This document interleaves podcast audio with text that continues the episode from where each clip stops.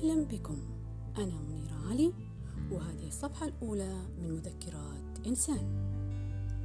الحديث عن الذكريات ليس بالأمر الهين لأنها من أكثر الأحداث خصوصية في حياتنا وتحمل جزء كبير من أرواحنا.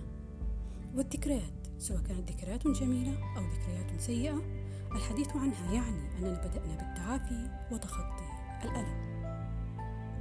ذكرى اليوم بعنوان يوم من أيام جدتي.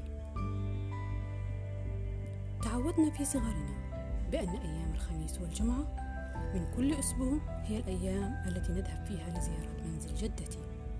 أذكر في يوم من تلك الأيام الجميلة.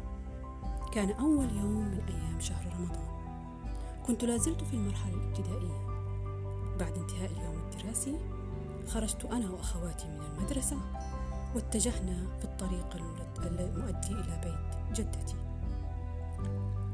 رغم طول الطريق إلا أننا قضيناه بالحديث والاستمتاع بالأجواء الهادئة كان الوقت تقريبا الرابعة أو الخامسة عصرا. مع أن وصلنا إلى المنزل حتى شعرنا بالأجواء الرمضانية.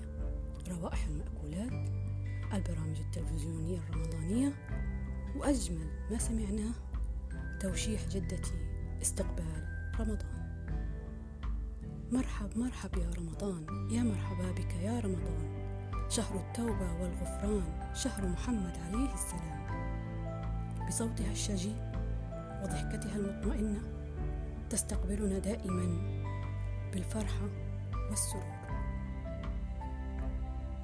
أذكرها دائما وأتمنى لو أن الأيام تعود لأخبرها أنها كانت فرحتنا التي افتقدناها.